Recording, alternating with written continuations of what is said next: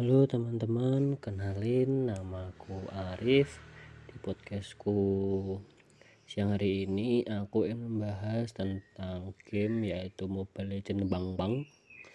Nah, di Mobile Legends sekarang ini ada patch baru ya teman-teman. Patchnya itu patch berapa ya? Bentar aku lihat. Aku sedikit lupa soalnya. Itu yaitu patch 1.5.88 patchnya sendiri berisikan tentang perubahan item lalu penambahan item uh, ada revamp dari hero-hero seperti Karina, Minotaur dan ada Alpha. Itu hero-heronya sekarang OP ya teman-teman. Aku udah nyoba Karina sama Alpha tapi belum yang Minotaur. Kalau Alpha sama Karina kok Kirana Karinanya nanti aku bahas ya teman-teman di episode kedua. Jadi terus stay tune bro brah. Terima kasih